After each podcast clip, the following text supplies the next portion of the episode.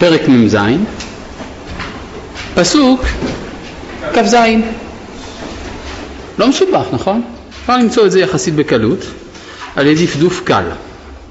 וישב ישראל בארץ מצרים, בארץ גושן, ויאחזו בה ויפרו וירבו מאוד. הפסוק הזה הוא פרדוקסלי, לא מובן בכלל. מה זה וישב ישראל? אני לא הייתי כותב מילים כאלה. אני הייתי כותב וישב יעקב בארץ מצרים. הרי ישראל הוא השם שלנו במצב של גדלות ויעקב השם שלנו במצב של שפלות, נכון? הרי כשיעקב מגיע לארץ ישראל אח...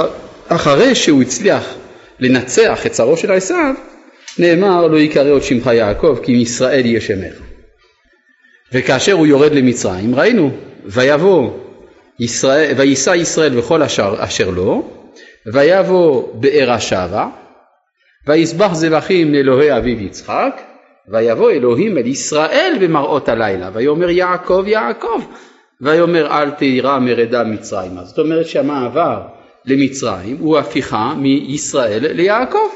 אם כן, היה צריך להיות כתוב וישב יעקב, ולא וישב ישראל. מובן? אולי כאן השורש של הבעיה. לשבת במצרים ולחשוב שאתה ישראל. זה הבעיה. אם אתה יושב במצרים ואתה יודע שהמצב הוא מצב בדיעבד, לא מצב איי איי איי, לא לכתחילה, אז אתה יודע שוישב יעקב. אם זה וישב ישראל, כאן מתחילות הבעיות. הבה נראה מה נאמר בפסוק מיד לאחר מכן, ויחי יעקב. נכון? ויחי יעקב בארץ מצרים, פסוק כ"ט, ויקרבו ימי ישראל למות. וכאן זה הסדר הנכון, זאת אומרת, כשיעקב חי, התוצאה היא שישראל מת. מובן, אין חיים לאומיים, אין ישראל, יש חיים קהילתיים, גלותיים. והחיים הגלותיים הם דתיים, הם מגדירים את העם היהודי כבר לא כעם ממש, אלא כזהות דתית פרטית, ועל זה נאמר ויחי יעקב. כתוצאה מזה הזהות ישראל מתה. אבל לא נאמר וימות ישראל, כי אז היה אפשר לדבר שזה מוחלט. ויחי יעקב וימות ישראל. אבל לא כך כתוב, ויקרבו ימי ישראל למות. זאת אומרת שעל ידי שיעקב חי בארץ מצרים, אז יש כמעט היעלמות של הזהות הלאומית ואף על פי כן היא נשארת קצת. כלומר גם במצב הגלות היותר נמוך, היותר שפל, יש עדיין איזושהי שארית של לאומיות מזיכרון העבר וצפ... וצפיית העתיד. העתיד הוא שישראל יקום שוב. לכן לעולם זה לא נעלם לגמרי, זה נשאר בתור stand by כזה, בתור אה, אפשר לומר אה, משמרת תרדמתית. משהו מישראל עדיין חי, ויקרבו ימי ישראל למות. כן. משהו בין פסוק כ"ז לפסוק כ"ח? האם קרה משהו בין פסוק כ"ז לפסוק כ"ח? לא קרה שום דבר. אבל יש הבדל בין התודעה הקולקטיבית של בני יעקב, שעל זה נאמר וישב ישראל, והרי זה לשון רבים ויאחזו בה, לבין התודעה של יעקב עצמו. יעקב אבי האומה יודע את האמת לאשורה, אבל בניו הם חיים כאילו עם ישראל, וכתוצאה מזה תהיינה בעיות, כפי שאנחנו מבינים בהמשך. כן.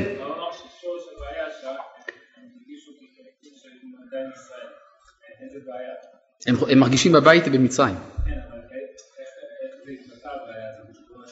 איך זה התבטא?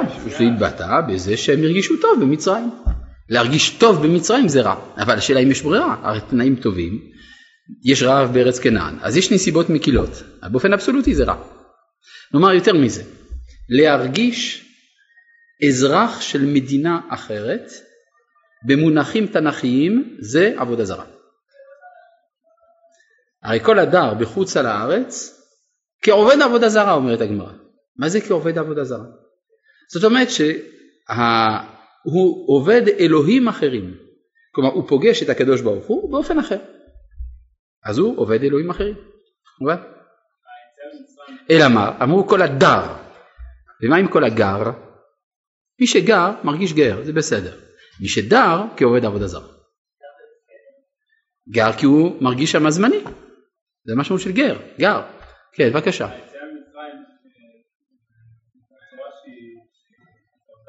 נו.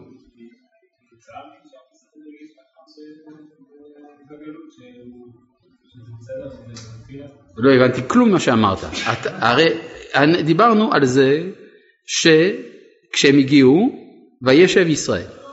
אתה אומר שבגלל זה הם ירדו באופן שהם ירדו, אבל זה הפוך, הרי אתה, אתה מקדים את המאוחר, הוא מאחר את המוקדם.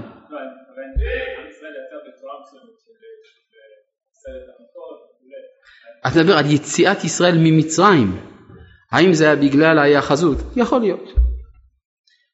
כן.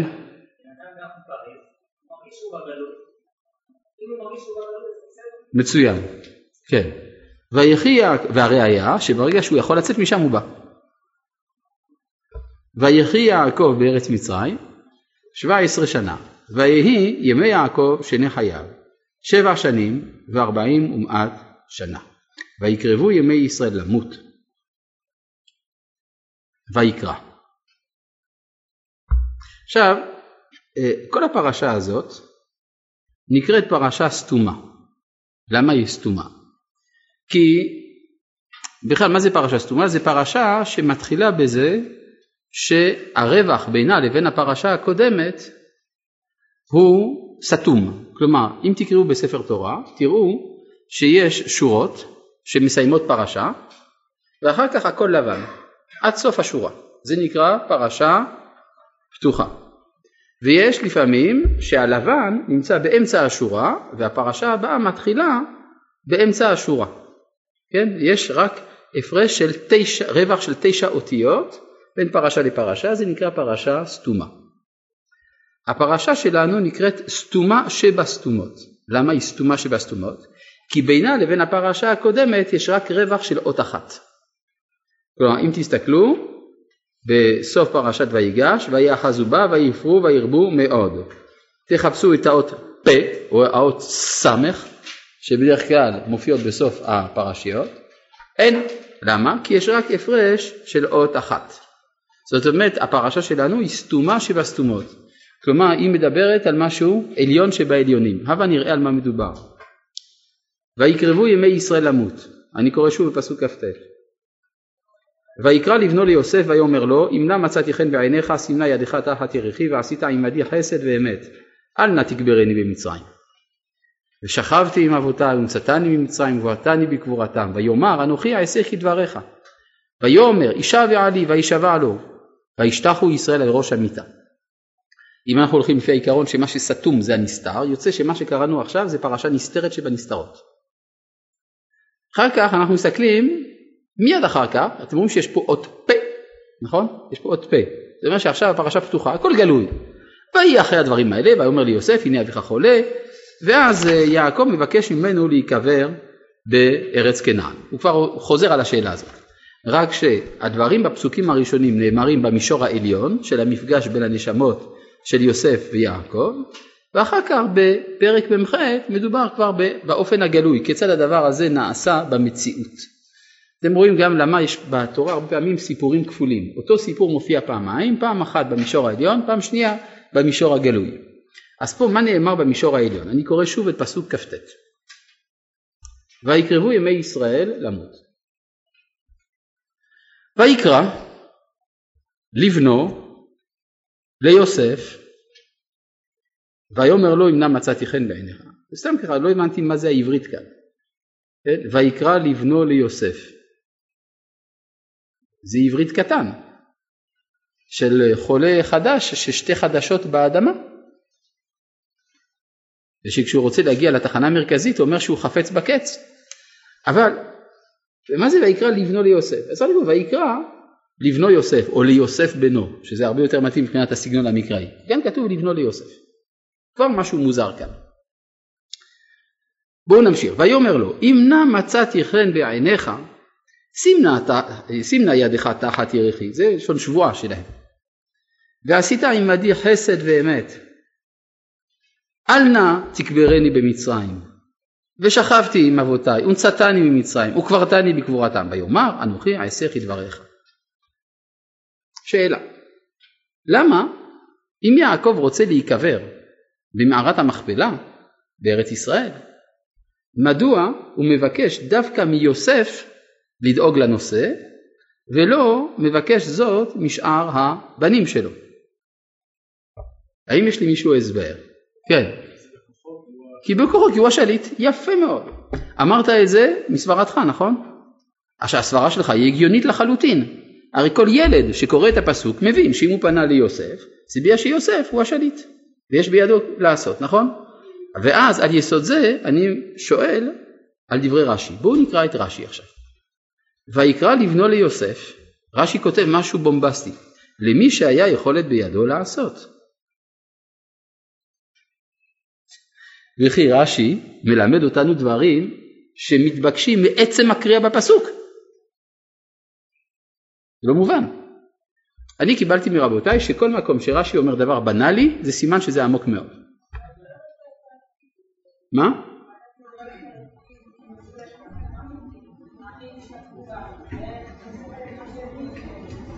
אבל רגע, למה צריך להוסיף את זה? הרי זה ברור שיוסף בידו הכוח לעשות. למה להוסיף עוד משמעות לפסוק?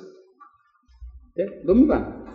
אלא מה? ברור, כן? לכאורה, אם יוסף הוא השליט במצרים, הוא היחיד שיש לו סמכות ויכולת לדאוג לזה שיעקב ייקבר מחוץ למצרים. אז לכן כשרש"י אומר למי שהיכולת בידו לעשות, זה תמוה מאוד. עכשיו, אני רוצה להבין עוד משהו, אולי על פי פסוק ל"א דברים התחילו להתברר לנו. ויאמר, הישבעה לי, וישבע לו, וישתחו ישראל. למי הוא השתחווה? ליוסף, נכון? איך אתה יודע? הנה כתוב. בואו ברש"י, תסתכלו ברש"י רגע, וישתחו ישראל, תעלה בעדני, סגיד לה. אחר כך כתוב על ראש המיטה.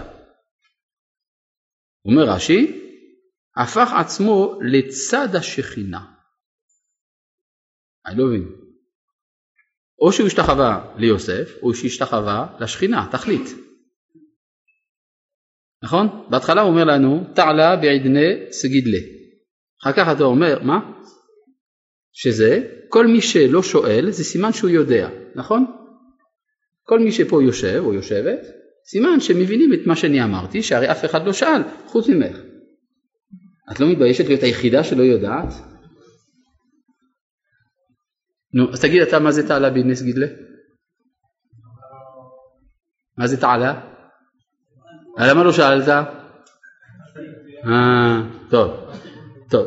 אה, תעלה באדנס גידלי הכוונה השועל בזמנו תשתחווה לו.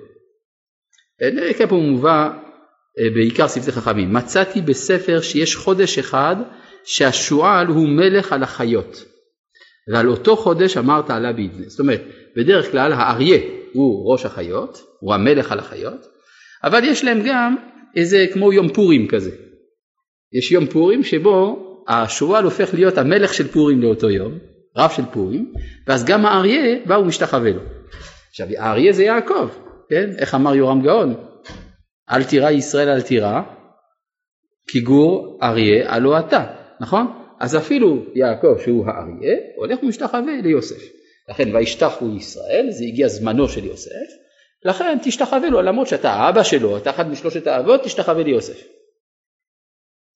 קצת מוזר, במיוחד בגלל ההמשך. וישתחו ישראל על ראש המיטה, הפך פניו כלפי שכינה. הפך עצמו גם בשכינה. אז אם ככה, אתה לא צריך להסביר שהוא השתחווה ליוסף, הוא השתחווה לשכינה, גמרנו. ואיפה זה ברבים? וישתחו זה לשון יחיד. וישתחו זה ביחיד. נכון או לא? אז למה אמרת לי שזה לשון רבים? אה, בסדר, איך אומרים לשון רבים? וישתחוו, יפה. אז וישתחו ישראל. על ראש המיטה. אז אם כך, יוצא שאנחנו מוכרחים להבין מדברי רש"י שי- שיעקב הפך עצמו כלפי שכינה, שזה יוסף. יוסף. כלומר, השכינה שורה על יוסף, ולכן הוא משתחווה כלפי שכינה, כלומר ליוסף. עכשיו, זאת אומרת שהוא מתייחס אל יוסף כאל אלוה כמעט. ודאי שאסור לעבוד אדם, אבל זה יחס שנותנים לאלוהות. אתם זוכרים שלמדנו ויאסור יוסף מרכבתו ויעל לקראת אביו גושנה וירא אליו. אז מה התברר? שיוסף הפך להיות המרכבה. כלומר, הסתיים הזמן שבו יעקב הוא המרכבה, ועכשיו יוסף הוא המרכבה. כלומר, הצדיק הוא המרכבה של השכינה, בזמן שבו הוא צריך להיות המרכבה. אבל כיוון שהדור משתנה, זה עובר לצדיק אחר, ולכן אפילו מי שפעם היה המרכבה בשנים קודמות, הוא עכשיו משתחווה לצדיק שהוא עכשיו המרכבה בדור החדש. עכשיו הדברים האלה בעצם כתובים בדברי רש"י על ויקרא לבנו ליוסף. עכשיו תשימו לב, עכשיו הכל, הכל ברור לחלוטין. ויקרא לבנו ליוסף, אני שוב חוזר לפסוק הזה, פסוק כ"ט, אומר רש"י, למי שהיה יכולת בידו לעשות. שואל שאלה קטנה, לפי היהדות, למי היכולת בידו? לקדוש ברוך הוא. לכן הוא ויקרא, למי? לקדוש ברוך הוא. איך הוא עשה את זה? הוא קרא לבנו ליוסף. עכשיו תראו, ואם תסתכלו בפסוק עצמו, ויקראו ימי ישראל למות, ויקרא. מה יש אחרי המילה ויקרא? טעם כזה, נכון? שהספרדים קוראים לו פסק, והאשכנזים קוראים לו פסיק. שני, שתי הביטויים, גם פסק, גם פסיק, מציינים הפסקה. אז כאילו שכתוב כך, ויקרבו ימי ישראל למות ויקרא. למי הוא קרא? אומר רש"י, למי שהיה יכול בידו לעשות. איך הוא עושה את זה? לבנו ליוסף. ברור? ולכן כאילו כתוב לבנו הוסיפו את ליוסף אחר כך, או הוסיפו את לבנו אחר כך. כלומר כאילו רוצים לתקן, כאילו בשורה מוסיפים צ'ופצ'יק כזה, וי, עם המילה הנוספת. עכשיו יוצא שכל זה באמת הוא סתום מאוד, זה במישור העליון של יחסי הנשמות בתוך המרכבה בין יעקב לבין יוסף, לכן זה פרשה סתומה שבסתומות. כן. למה רש"י לא אומר את זה במפורש? תגיד לי למה. איפה רש"י חי? אה? אה? בין הנוצרים. אתה רוצה לנוצרים להגיד דברים כאלה? מה הם יעשו מזה? הם מיד הפכו את זה לעבודה זרה. לכן הוא כותב את זה כך. מה אתה אמרת? שהוא לא... הוא לא ידע מה? מי לא ידע את הפירוש? הוא לא יודע את הפירוש של עצמו. אבל זה בדיוק מה שהוא פירש. אתה אומר שרש"י לא ידע את רש"י. אבל אז השאלה הייתה למה הוא הסתיר? לפרש לגויים דברים כאלה? אתה יודע מה זה היה עושה? הם היו הופכים את זה לעבודה זרה. אבל לא הבנתי מה אמרת שאתה מתכוון שרש"י לא ידע, מה הוא לא ידע? אבל איפה כתוב שרש"י לא ידע? אתה אומר רש"י לא ידע. איפה ראית שרש"י לא ידע?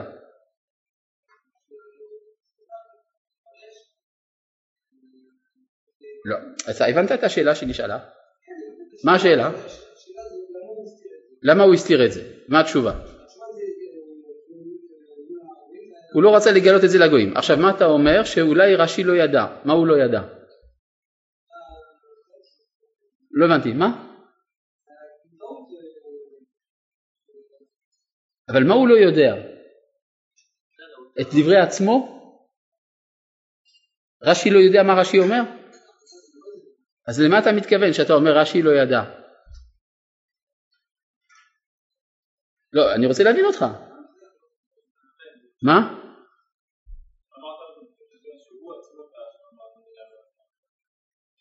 מי טעה? הוא טעה כשהוא אמר לא ידע. טוב, לא מבין. טוב, אבל צריך לשים לב מה שאומרים, לכן אני גם מוכן לענות אנשים רק כדי שהם ידעו מה הם אומרים. טוב, הלאה. מה?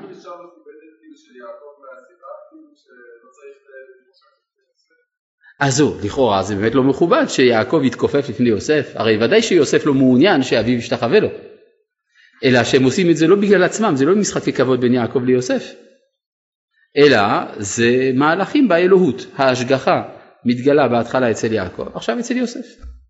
ברור? עכשיו אני רוצה קצת יותר להבין את ההתנהגות של יעקב. יעקב אומר ועשית עמדי חסד ואמת אל נא תקברני במצרים. אז מה אתה רוצה? שיקחו את המומיה שלך וסרקופג ענק ואלפי חיילים ואת המשפחה שלך ותתחילו מסע הלוויה ממצרים ועד חברון בתנאים הקשים של אותם הימים. כל זה בשביל מה? שלא יקברו אותך במצרים. מה קרה אם יקברו אותך במצרים? רש"י. רש"י אומר דברים מדהימים. אל נא תקברני במצרים, סופה להיות עפרה קינים. ומרחשים תחת גופי. כלומר זה נורא מפריע לו שהקינים הסתובבו לו מתחת לתחבושות של המומיה ולכן זה מצדיק את כל הבלגן הזה. זה הגיוני לכם? מה אכפת לו שיהיו קינים? אז שיהיו קינים, אז מה? אגב, הקינים היו כמה? שבוע? בשביל זה אתה עושה כל הבעיה? מה? קשה רימה בבשר, בבשר המת כמחט לבשר החי. אולי? אולי, בכל זאת. זאת אומרת, זה סתם גם בשביל הכאב האישי שלו, הוא לא כל כך רוצה שיכאב לו, כן? זה... רש"י ממשיך, הוא נותן הסבר נוסף. ההסבר הראשון כבר תמוה לי. אני הייתי מסתפק רק בהסבר השלישי, זה היה מספיק טוב. הסבר שני, ושאין מתי חוצה לארץ חיים אלא בצער גלגול מחילות. גלגול מחילות זה במדרשים כתוב שהמתים של חוץ לארץ, כשמגיע הזמן של תחיית המתים, אז נעשית מחילה תחת הקרקע עד ארץ ישראל והם מתגלגלים. העצמות עושות ככה טראח טראח קדם בדום בדום עד שזה מגיע בירוש... לארץ ישראל ואז הם קמים לתחייה. אז הוא לא רוצה את הצער הזה ולכן הוא מבקש שיוציאו אותו ישירות לארץ ישראל. זה גם תמוה מאוד, בכלל מה זה הגלגול מחילות הזה, אתם מאמינים בזה? אתם מאמינים בזה? מה ככה שבאמת ככה יש איזה מחילה? ש...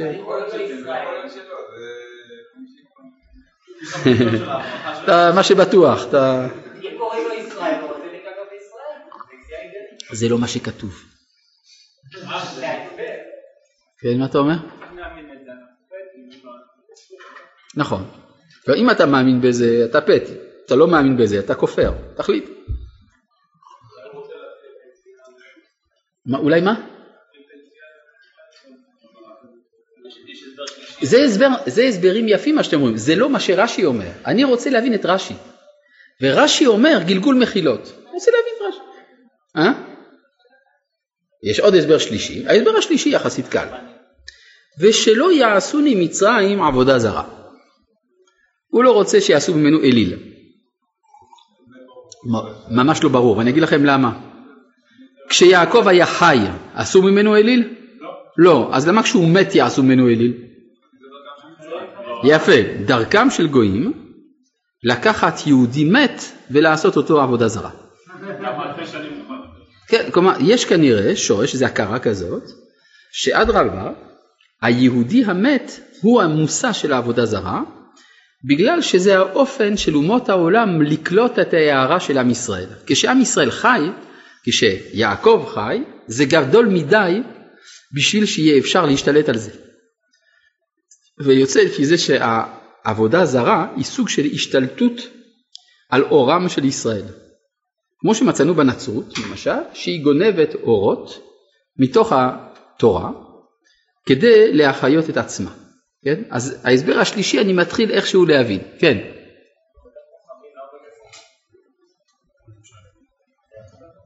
מה אתה אומר? שכתוב עבודת...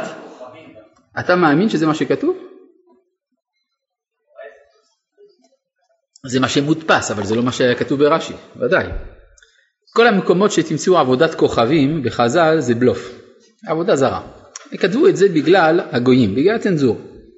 הגויים לא יגידו, איך כתבתם נגדנו? לא, לא, כתבנו נגד עובדי כוכבים. אתם לא עובדים לכוכבים, אתם עובדים לישו, אז זה בסדר. כן? אבל הכוונה, עובדה עבודה זרה. כן? כן.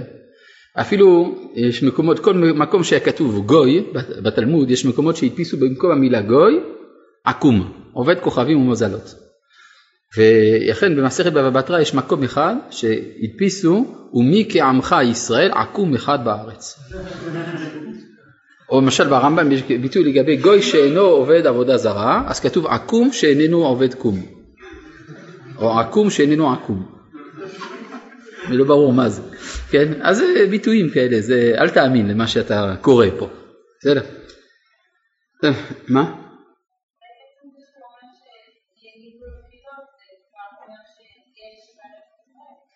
זה נכון. כלומר, הוא רוצה שיתחילו לשוב לארץ. כלומר, רוצה, כלומר, הביטוי על גיור מחילות זה השאיפה לשוב לארץ ישראל. השאלה היא, אני שואל את עצמי, האם שלושת ההסברים האלה הם מנותקים אחד מהשני ומן השלישי, או שמא יש קשר בין שלושתם. אז בואו קודם כל נקשור את ההסבר השלישי להסבר הראשון. אחר כך נעבור להסבר השני. ההסבר השלישי הוא יעקב חש את הסכנה שיעשו אותו עבודה זרה. עכשיו צריך להבין זה לא רק עניין שיעשו אותו עבודה זרה וזה מאוד לא נעים שעושים אותך עבודה זרה. אם יש עבודה זרה מהאור של ישראל אין יציאה לעולם מן הגלות. כי להפוך לאלוה זה להפוך להיות חלק קבוע מן התרבות. אתה חלק מהעניין. לך עובדים, ודאי שלא תצא.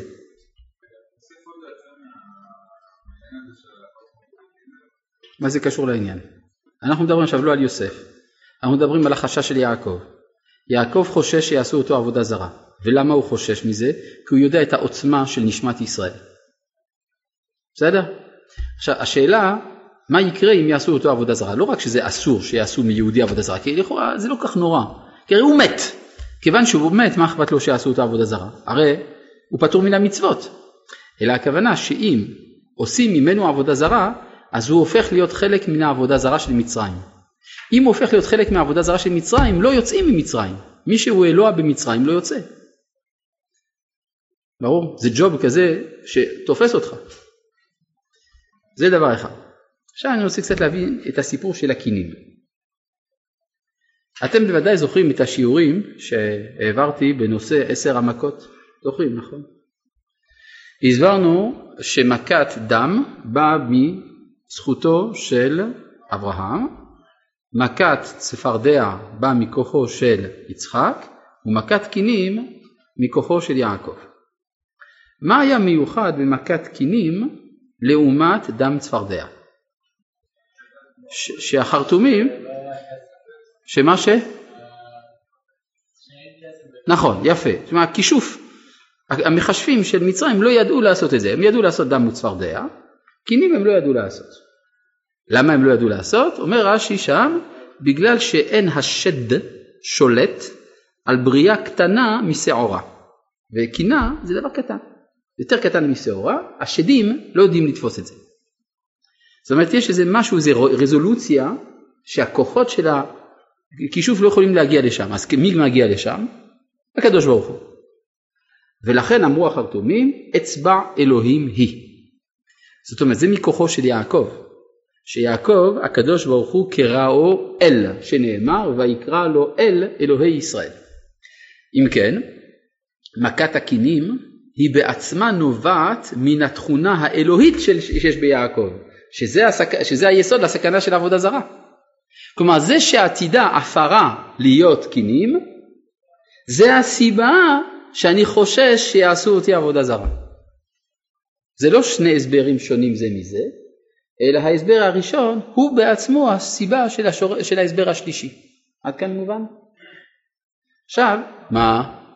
מה אתה רוצה?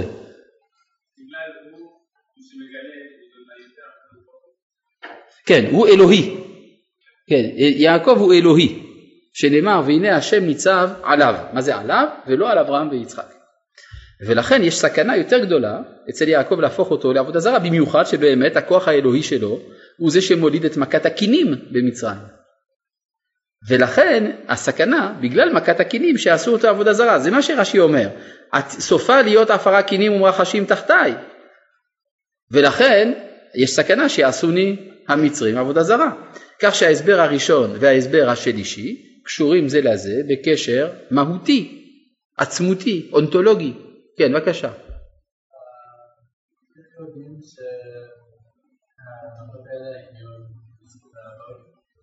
אה, זה שייך לשיעור שלי על עשר מכות. כן, זה צריך פעם ללמוד, בסדר? על כל פנים, אה, אבל יש לי, זה מוקלט, נו, אפשר למצוא. זה מוקלט. כן, נכון. כן, כן, עכשיו בואו נתקדם, מה עם ההסבר השני?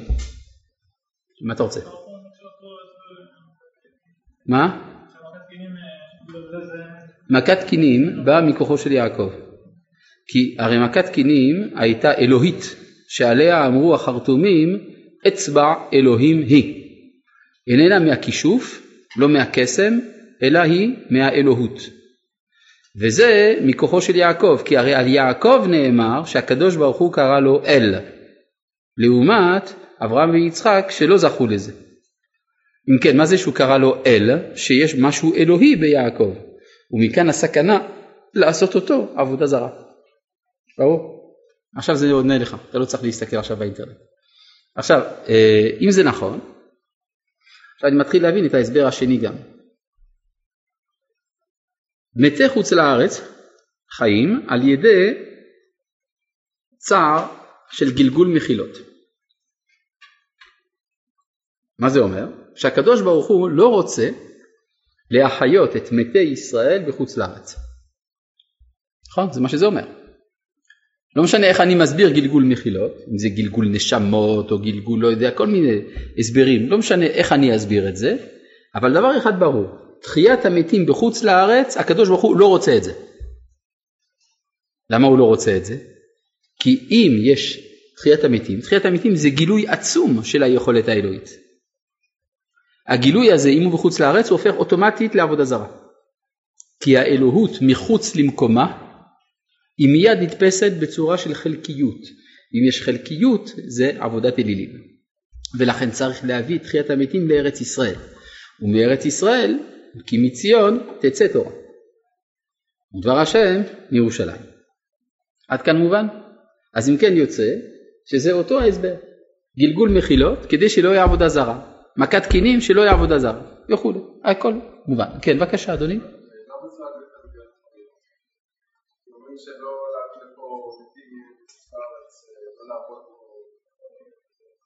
זה סיפור אחר, שהייתי מאוד רוצה להרחיב בו, אבל מסיבות מובנות מאליהן, אני לא יכול להרחיב בו. כן. טוב.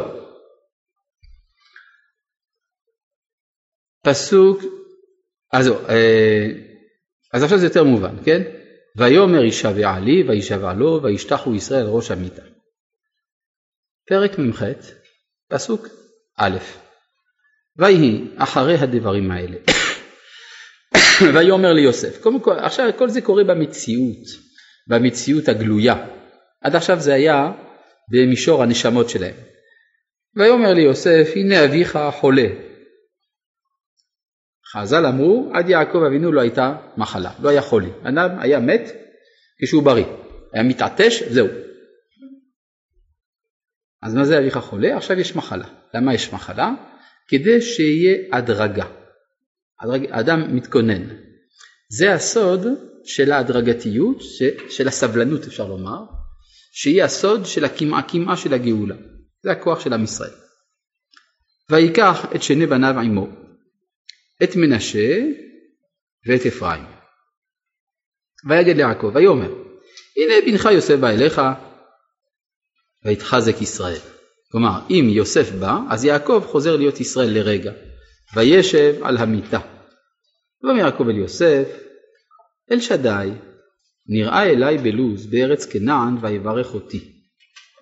ויאמר אלי הנני מפרך והרביתיך ונתתיך לקהל העמים ונתתי את הארץ הזאת לזרעך אחריך אחוזת עולם. הפסוק הזה בעצם אה, הוא חזרה על מה שכתוב במפורש בפרשת וישלח, נכון? בפרשת וישלח בפרק אה, ל"ד, פסוק י"א, זה הפרק, סליחה, ל"ה, פרק ל"ה, פסוק י"א. ויאמר לו אלוהים, אני אל שדי, פרא ורבה, גול וקהיל גויים, יהיה ומלכים מחלציך יצאו. עכשיו, בשלב הזה שבו הקדוש ברוך הוא נגלה אל יעקב ואמר לו פרא ורבה, כבר נולדו לו כל הילדים, חוץ מאחד, בנימין.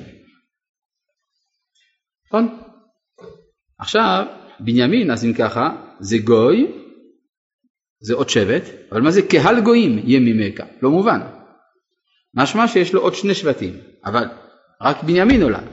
אז יעקב פירש, אחרי שהוא כבר רואה שאין לו אפשרות להוליד יותר, אז הוא מבין שקהל גויים זה יוסף. גוי זה בנימין, וקהל גויים זה יוסף. איך יוסף, מה?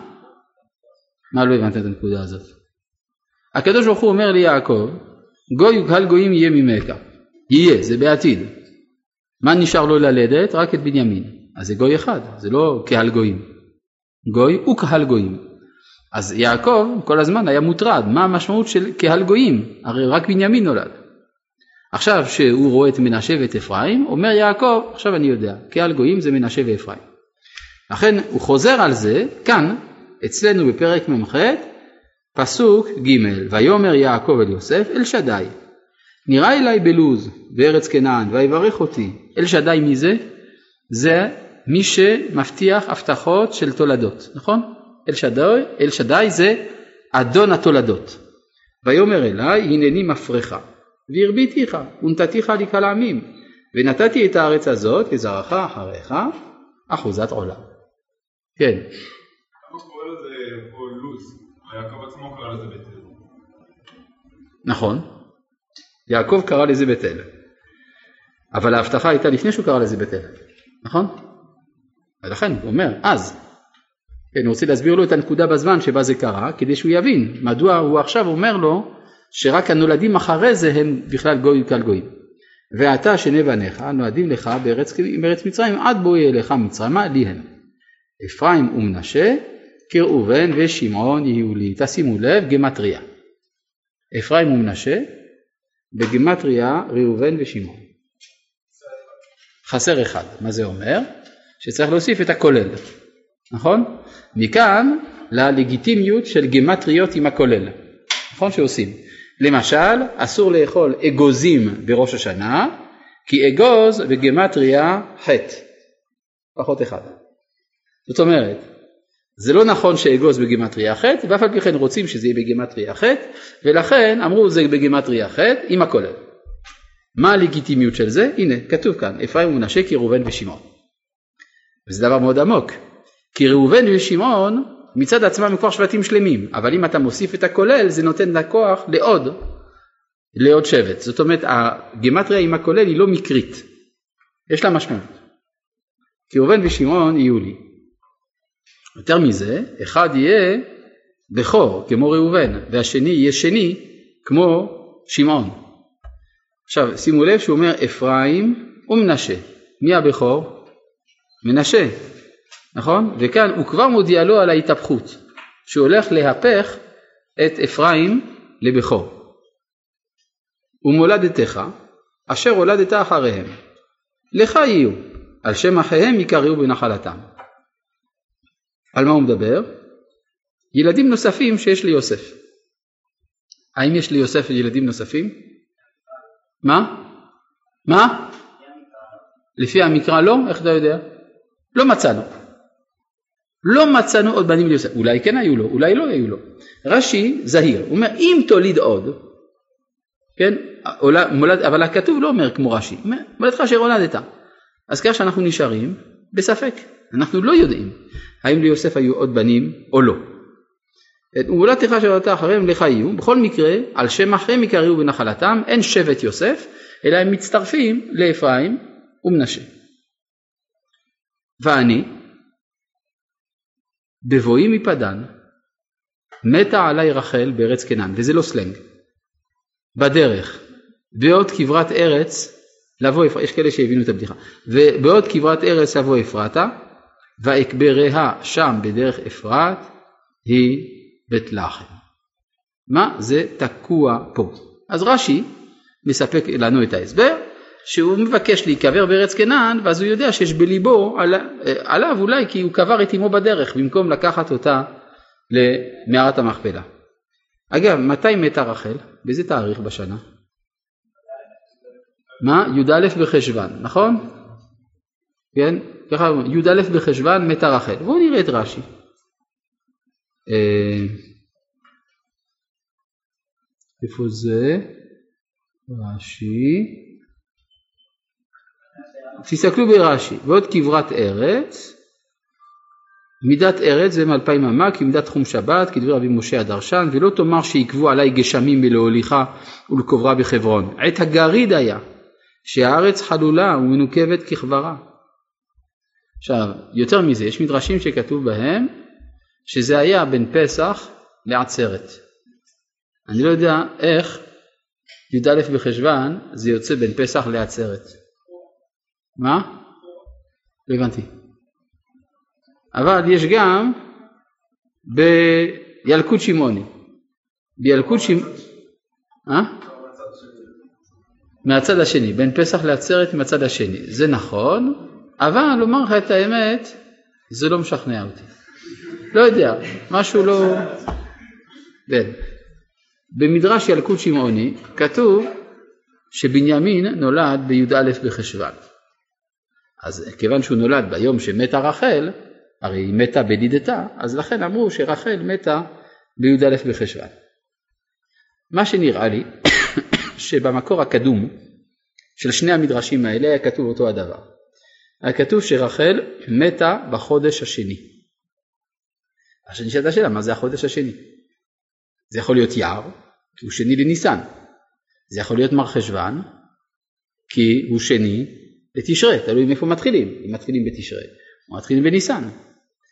אז אני מתאר לעצמי שהיה כתוב ככה, שהיא מתה באייר ויש אומרים במר חשוון. עכשיו, ויש אומרים, איך כותבים את זה בראשי תיבות? י"א. אז מזה זה הפך להיות י"א במר חשוון. ככה נראה לי. מה?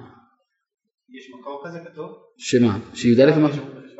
לא, אני משער, לעצ... אני משער שזה מה שהיה כתוב במקור הקדום, ואז זה מסביר. מאיפה לקחו גם י"א במר חשוון? סתם ככה. לא מאמין ש... אלא מה תגיד שיש מסורת קדומה? כן, אני לא מאמין שהילקוט שמעוני יש לו מסורת היסטורית קדומה עד יעקב. לא יכול להיות. במיוחד שאם זה הנכון, אז איך נולד המדרש השני שאומר שזה בין פסח לעצרת? לא מסתדר, נכון? טוב, כן. גדלנו שזה י"א בחשוון? לא נכון. את גדלת. אז זה אומר, זה אני אגיד לך רק שנייה, רק שנייה, רק שנייה. זה משהו שקיים בערך 15 שנה. מזה 15 שנה עושים דאווין מכל הסיפור הזה של פטירת רחל. יותר מ-15 שנה. 20 שנה. בסדר? אני לא זוכר יותר מזה שאי פעם עשו כזה עניין מפטירת רחל. ומאז רצח רבין עוד יותר. לא באמת, זאת אומרת, אה, אה, אל תעמודו. בין מה?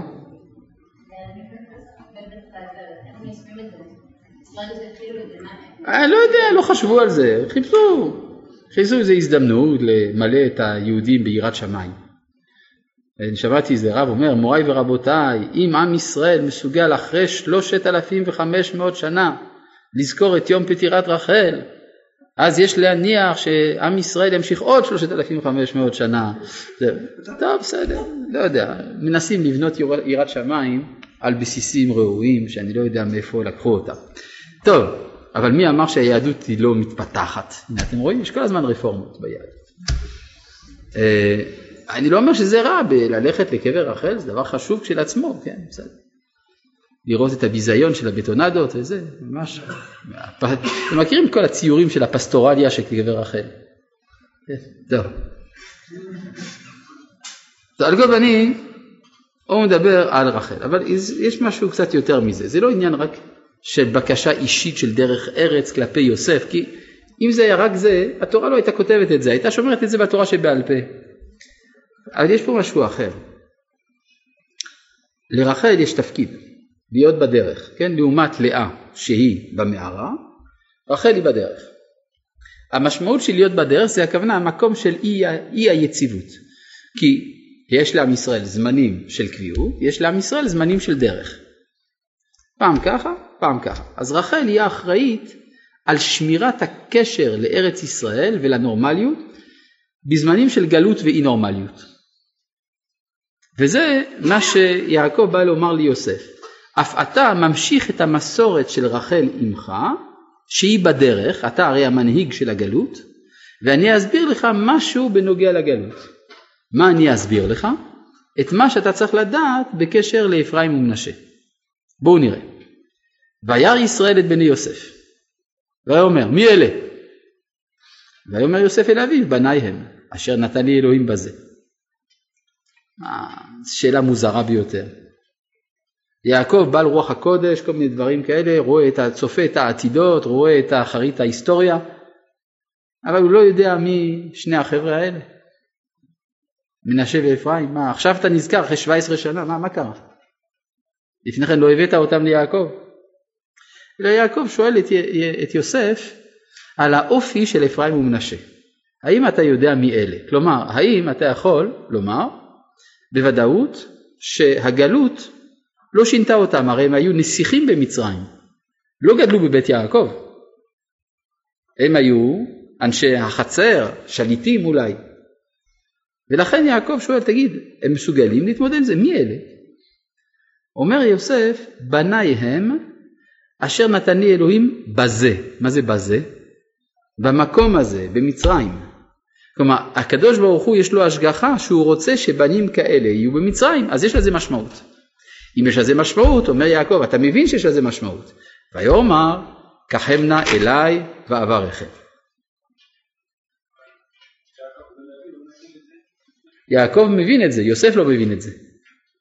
הוא רוצה שגם יוסף יבין, ולכן הוא משתף אותו. מה? זאת הסיבה שהוא צריך לומר את זה, כן. והנה, מה? כן. לא? כלומר, יש השתוקקות של ישראל אל ארץ ישראל גם בזמן הפיזור. יעיינה כבודו בספר נצח ישראל למהר"ל מפראג, סוף פרק א', ששם המהר"ל מסביר בהרחבה מי זאת רחל. הוא אומר זה הכוח המלכד את האומה בזמן הפיזור. יש אגב דבר מאוד מעניין, היה יהודי אחד בשם מקס נורדאו. מקס נורדאו היה המשנה של הרצל בראש ההסתדרות הציונית. והוא היה אדם מאוד מיוחד כי כשהרצל כתב את מדינת היהודים כולם אמרו שהוא משוגע. אז הרצל היה שבור מהסיפור הזה, הלך לחבר שלו, מקס נורדאו, שהיה פסיכיאטר, ואמר לו, תגיד, האם אני משוגע? אמר לו, למה, למה אתה חושב שאתה משוגע? הוא אומר, כי אני כתבתי ספר על מדינת היהודים וכולם אומרים שאני מטורף, אז אולי אני באמת? אמר לו, אני בא איתך. ואז ככה הוא הצטרף להסתדרות הציונית ובעצם חיזק את הרצל בהחלטה שלו. עכשיו מעניין, יש סיפור שמספר נורדאו איך הוא עצמו הגיע לרעיון הציוני. הוא מספר שפעם הוא ראה ילדה קטנה יוצאת מבית ספר יהודי והוא שאל אותה מה למדתם היום? והיא אמרה אנחנו למדנו זה כמו פסוק לפסוקך כן? היא אמרה אנחנו למדנו את הסיפור והוא קורא לזה אגדת רחל שרחל מבכה על בניה ושבגלל זה הקדוש ברוך הוא אומר עוד שיחזרו לארץ ישראל.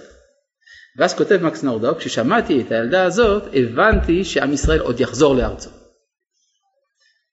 אז זה בדיוק מוכיח שהמהר"ל צדק, ההתעוררות הלאומית באחרית הימים באה מפני הכוח של רחל, כן? בדרכים כאלה, אבל בסופו של דבר זה מגיע. אז זה מה שהוא הוא רוצה עכשיו ללמד אותו, הוא רוצה ללמד אותו משהו ביחס למנשה ואפרים, שיישר את דרכו של יוסף בזמן הגלות. ומה שהוא צריך ללמד אותו זה שאפרים קודם למנשה. מה המשמעות של הקדמת אפרים למנשה? כל זאת ועוד נראה בפעם הבאה. שלום.